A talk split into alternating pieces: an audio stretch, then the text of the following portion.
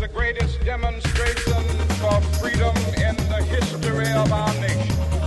Einstein, hey everybody, welcome Einstein to Dream. Stay hungry, stay foolish. Bing, bing, bong, bong, bing, bing, bing. You know what that is? Obama. Šoreiz mazliet citādāks formāts. Mēs viens otru. Ko tu, tu esi apnākusi? Labi.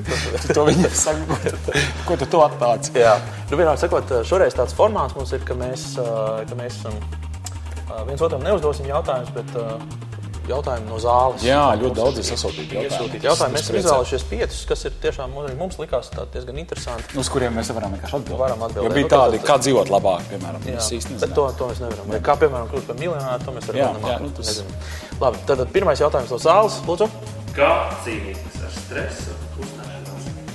mēs atkārtosim tā, kā cīnīties ar stresu uzstāšanās laikā. Tu uzņēmies atkārtot jautājumu, jo domā, ka es varu atbildēt šo jautājumu. Jā, tāpēc es to izdarīju ātrāk, jo es to nezinu, kā to darīt. Tas ir diezgan tipisks jautājums, jo cilvēkiem nepatīk tā sajūta, ka viņi kāpj uz skatuves, viņi izjūt tīri fizioloģiski, viņi ir uztraukšies. Viņiem šķiet, ka visi citi redz viņu trīcošās kājas, svīstošās plaukstas, izkaltošo muti, kas viss ir adrenalīna, un kortizola un citu hormonu un ķīmisku vielu ietekmē mūsu ķermenī. Jautājums ir, kāpēc mēs uztraucamies publiskas runas laikā? Bieži vien cilvēki tā arī nav atraduši atbildi. Viņi pat nav jautājuši, kāpēc tas tā notiek. Man atbilde ir ļoti vienkārša. Mums ir bailes no negatīva vērtējuma. Tas ir iekodēts mūsos, jo negatīvs vērtējums no grupas puses savulaik pirmotnējās komunās nozīmēja iespējamu atraidījumu, izdzīšanu no grupas kas savukārt ir nopietns apdraudējums dzīvībai.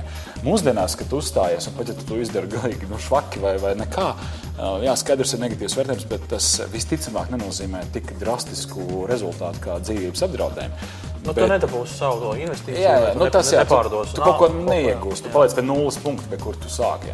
Diemžēl mūsu tevis, definētās krokodila smadzenes, jā, jā, instinktu slavenās. līmenī mēs uh, ļoti baidāmies no negatīva vērtējuma. Tāpēc arī ir satraukums. Un, un es esmu klausījies arī psihoterapeits, kur runā par šo. un Blakus bailēm uh, bieži vien tiek minēta arī kauna sajūta. Nu, kas ir līdzīgi, ja ka mums ir kauns uz skatuves publiski neizskatīties ideāli, ja kaut kādā veidā pieļaut kļūdas. Tas, diemžēl, cilvēks dzēna nu, diezgan uh, dziļā stresā. Kā no tā izvairīties? Nu, pirmkārt, pateikt sev, ka visticamāk es esmu dzīvojuši prezentācijas laikā. Jā. Tas ir mazliet tā ironiski. Sevi jā, bet- nomierināt mazliet, Jā, jā. un, un nākamais ir uh, pievērsties auditorijai. Ja, ja tu esi uztraucies, tu patiesībā domā par sevi. Ja tu pievērsies auditorijai, tu vairāk nofokusēsies uz to pievienoto vērtību, ko tu vari dot caur to informāciju, un mazinās stresu, jo tu pārstāj domāt par sevi. Un te mēs varam pavērot dažādus uh, seminārus, konferences, atkal, kur ir uh, šie ārvalstu runātāji. Ja? Tātad tas, ko es atkal esmu ievērojis, ir, ka ļoti, ļoti daudz ir atkarīgs no tās izglītības sistēmas, kurā tu esi audzis. Ja? Amerikā, Kanādā, lielajās valstīs, kur patiesībā tev visu laiku liek uzstāties, arī universitātēs, ja? kur katru dienu tev ir prezentācijas un tu esi auditorijas priekšā, tu faktiski tiec trenēts visu laiku uzstāties. Mūsu kultūra atkal ir nolīsta kaut kur aizmugurē, nolīsta kaut kur tālu, lai neviens nekur un nekad mums neuzdod nevienu jautājumu. Nu, tas ir arī tas, kas, ko, ko, ko es bieži redzu, ka mums vajag cilvēks vienkārši ar vien vairāk grūst ārā kaut kādā veidā uz skatuves un, un publiski, lai viņi tā kā... Pārkā uz soliņa kaut ko pārdot. Jautājums numur divi. Jā. Kas ir vislielākais mīts, ko jūs katrs gribētu izskaust, ko esat dzirdējuši par prezentāciju? No manas puses, drīkst sākt par šiem mītiem vai par uh, tradicionālām pieejām, kas, pieejām, kas manuprāt, ir atgādājums, ir, uh, kad cilvēkam saka, nu, nezinu, priekšnieks saka, vai kolēģis palūdz, vai kā, lūdzu, sagatavo prezentāciju tādā un tādā sakarā, tad un tad. Tad pirmais, faktiski, ko cilvēks dzird un ar ko asociē šo procesu, ir slaidi. Nu, kas kaut kādā mērā arī ir vārdu spēle. Lūdzu, sagatavo prezentāciju. Nu, varētu teikt, ka nu, prezentācija tie ir tie PowerPoint slaidi. vai ne? Bet tā, manuprāt, ir milzīga kļūda, ka mēs sākam ar šo vizuālo uzskatu materiālu, kas patiesībā ir palīga līdzeklis. Mēs viņu paņem- paņemam kā pamatu. Ja? Un tad bieži vien prezentācijas laikā, uzstāšanās laikā, mēs redzam, ka cilvēks arī būtībā visu savu runu vada balstoties uz šiem slaidiem. Un trakākā gadījumā viņš pat uh, lasa no slaidiem, kas ir absolūti nepieņemama praksa. Jā. Man šķiet, ka tas lielākais mīts, un Oskars jau tur mazliet pieskārās ā, tam tematam, ir tas, ka mēs vispār prezentācijas definīciju kā tādu saprotam nepareizi. Un, tad, kad ir vārds prezentācija, tad ir jāatcerās, ka prezentācija pēc definīcijas ir process, kurā es kādu gribu ietekmēt vai pārliecināt. Prezentācija tas nenozīmē uzkāpt uz skatuves un kaut ko noļurināt. Tas to nenozīmē. Ja tā nav prezentācija. Ja nav aicinājums uz darbību, ja nav konkrēta virzība pēc šīs prezentācijas, konkrēti uzdevumi, tad tā nav prezentācija, jo tu neko nepārdod, tu, neko, tu nevirzi procesu.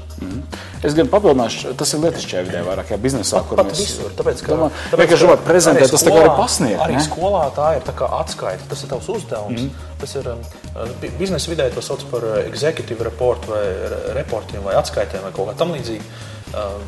Piemēram, universitātēs jā, tā nav prezentācija, tas ir vienkārši sagatavots mājas darbs, kas tev ir vienkārši jāatstāsta. Ja? Tā, tā mm. visticamāk nebūs prezentācija. Nu, kāds ir aicinājums rīcība? Lūdzu, ņemot vērā iepriekš man minēto, ielieciet man Jā, desmitnieku. jā, nu tas, bet tu tu jau neaicini cilvēks neko tādu darīt. Ja? Tas ir, tā Jā. nebūs, nebūs gluži varbūt tā. Tā kā aicinājums uz darbību vienmēr ir tāds, ka man ir kāda ideja, misija vai kaut kāda vīzija, un es caur savu runu vēlos to piepildīt. Tā ir, tā ir prezentācija.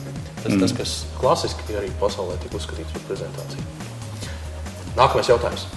Man ir jāpiesaista nauda savam jaunam uzņēmumam ar prezentāciju investoram. Kas būtu svarīgākais, ko man ņemt vērā? Tā, es Nauda jaunu uzņēmumam. Jā, tātad, ja ir nepieciešama nauda, šie vienmēr ir sensitīvi jautājumi. Tātad uh, cilvēki tāpat vien to, kas viņiem pieder, vai to, ko viņi pārvalda, tāpat vien vienkārši negribēs tev atdot. Uh, tas nozīmē, ka tev būs jāveic kaut kāds pārliecināšanas darbs. Un, uh, mans ieteikums būtu uh, sagatavoties un pirmkārt nenobaidīt šo investoru, nenobaidīt šo naudas devēju potenciālu. Tas būtu tavs pirmais uzdevums. Jo bieži vien patiesībā ir tā, ka tad, kad mēs uznākam uz skatuves un mēs rādām daudz slaidus vai daudz informācijas, mums ir sagatavotas tabulas un vēl kaut kas. ā, Tas nobaida cilvēku arī pat tādu, kurš ir pieredzējis ikdienā ļoti daudz informācijas patērēt.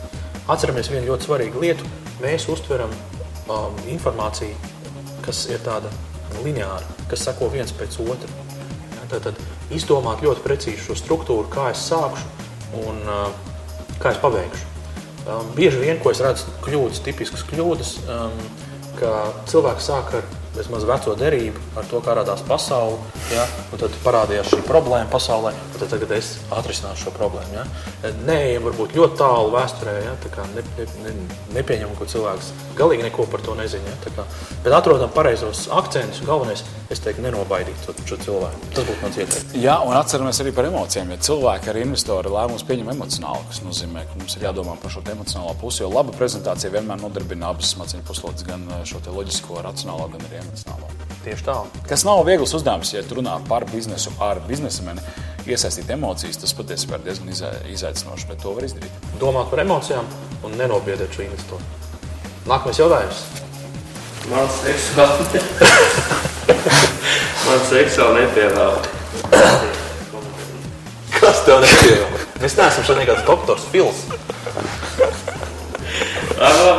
Kā man rīkoties, ja nezinu, vai prezentācija būs jāstāsta dzīvē auditorijai vai jāsūta e-pastā? Kā man sagatavoties? Saudabīga situācija, ka tev ir uh, uzdevums, kas tev jāatrisina, bet tev nav visi dotie lielumi. Tu Bet tā dzīvē var gadīties. Tā var, tā var gadīties, bet- vai arī var gadīties, ka tu zini, bet tev pamainās pēdējā brīdī tas, tā situācija. E, Mans tāds varbūt tāds ātrais ieteikums būtu, uh, ja tu zini, ja tu neesi drošs, vai būs klātienes prezentācija vai nē, um, tad uh, tāds pats minimālā, pat minimālā programma, ko tu varētu izdarīt, ir izveidot uz vienas lapas vienkārši tādu uh, pārskatu, ko tu vēlies stāstīt. Tur varbūt ir arī kaut kādas vizualizācijas. Mēs to saucam par vienlapiem vai tie ir one Mēs page. to saucam par vienlapiem. Vienlapis, jā, vienlapis. Uz vienas lapas tu vienkārši iedod tādu, tādu informāciju, kur tu vari aizsūtīt kā PDF dokumentu vai izdrukāt un kādam iedot. Un tā arī ir pietiekami laba tāda prezentācijas sastāvdaļa. Savukārt, ja tu skaidri zini, ka būs jāuzstājās, tad es teiktu, darām divus mājas darbus, sagatavojam klātienes prezentāciju un sagatavojam arī kādu izdevuma materiālu. Vai, vai, nu, ne gluži varbūt tos pašus slaidus, jo uh, manā pieredzē nav bijis neviens tik nu, tāds gadījums, kad strādā tā prezentācija, ko tu esi sagatavojis, vai tos slaidus, ko tu esi sagatavojis. Klātienē, ka tie derēs arī sūtīšanai. Varbūt tu vari tur var iet to ceļu, ka tas slaidu piezīmes izmanto. Jā. Kad beigās ir tas izdevums materiāls, kurā ir redzams gan slaids, gan slaidu piezīmes. Bet jā. tu nevari rupjas vārdus tur rakstīt. Tas gan ir. To, to, to tad, tad, tad piefiksēt. Jā, tad, Jā, tad, nedara. tad nedara šī pieeja, ja jūs nevarat iztikt bez rupjiem vārdiem. Labi. Un pēdējais, ja, ja es pareizi saprotu.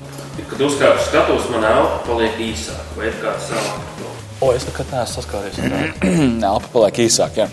Nu, protams, eh, elpošana ir tāda interesanta lieta. Pirmkārt, pats runātājs to ļoti sajūt. Nu, ja pēc, ka viņam ir kaut kāds ierastais eh, veids, kā viņš eh, jūtās, un pēkšņi skatos tas viss ir mainījies. Viņam, protams, šķiet, ka to visi dzird un redz. Jā, un, uh, mana pieredze ir tāda, ka ļoti bieži nedzird un neredz. Jo auditorijā, nu, kas sēž, mamma, tēvs, brālis, māsa. Var būt, bet, bet visticamāk, ka nē. Respektīvi, auditorijā bieži vien ir cilvēki, kas jūs varbūt redz pirmo reizi. Vai arī pat ja jūs pazīstat, viņi nepazīst jūs tik tuvu, lai dzirdētu vismazākās izmaiņas, vismazākās nianses, kas eh, izskan balsī. Kāpēc runāju par balsi? Tāpēc, ka elpa, gaiss ir galvenais resurs, lai radītu šo skaņu. Ja? Un, attiecīgi, ja ir stresa ietekme, adrenalīna ietekme, ir uh, tāda saraustīta sekla elpošana, vai arī tieši otrādi cilvēks ir sarījies gaisu un tad uh, runāts ar tādām garām nopūtām, un tad viss tas tā ārkārtīgi grūti skan. Ja? Šobrīd pārspīlējums. Bieži vien cilvēki to nemaz nedzird, līdz ar to mēs varam vienkārši ignorēt, pieņemt, ka tā ir, jo es esmu mazliet satraucies. Satraucies es esmu tāpēc, ka man rūp rezultāts, es esmu atbildīgs, man, man, man ir svarīga šī lieta, vienkārši ejam tam pāri, nu tā kā ar tanku braucam pāri šai sajūtai. Bet vai tā īsā elpa nav saistīta ar to, ka es kaut ko esmu sažņauts sevī, ka man ir kaut kāds saspringzinājums? iekšā? Protams, jā. Nu, Nu, tāpēc- droši vien, ka ir kaut kāds vingrinājums. Jā. kā var tikt- tikt- Nu, tā kā pirms tās iziešanas uz skatuves, tu vari kaut ko tur pāelpot vai pastāvēt pie sienas vai kaut ko tādu izdarīt. Nu, tā ķīmija, kas mūsos notiek, adrenalīna un kortizola ietekmē, tā mobilizē ķermeni, tonizē muskuļus. Kāpēc? Tāpēc, ka mūsos tiek ieslēgts izdzīvošanas mehānisms, kas ir saistīts ar faktiski diviem scenārijiem - mukt vai cīnīties. Abi šie scenāriji pieprasa ļoti nu, gatavus muskuļus, kas nozīmē, ka, jā, ka ķermenis ir saspringts. Un, ja ķermenis īpaši ja ķermeņa augšā daļa ir saspringta, tas parasti izpaužās tajā, ka elpošana ir izmainījusies, balss skan atšķirīgi. jā. Ir vingrinājumi, ko pirms uzstāšanās, īsi pirms uzstāšanās var darīt, lai nu, tāda, nu, tā kā mazliet piemānītu savu ķermeni, atbrīvotu to un, uh, un arī balss skanētu labāk un mazāk būtu gan pašam, gan, gan arī citiem jūtams šis te elpas trūkums. Jā. Mēs esam priecīgi par to, ka jūs neesat izslēguši vai neesat aizmiguši. Tas noskatījušies līdz galam, bet mēs tiekamies nākamajā reizē, kad uh, būs atkal nākamā podkāstu sērija. Droši uzrakstiet savu jautājumu, piedalieties, lai darītu šīs sērijas krāsainākas. Uz tikšanos!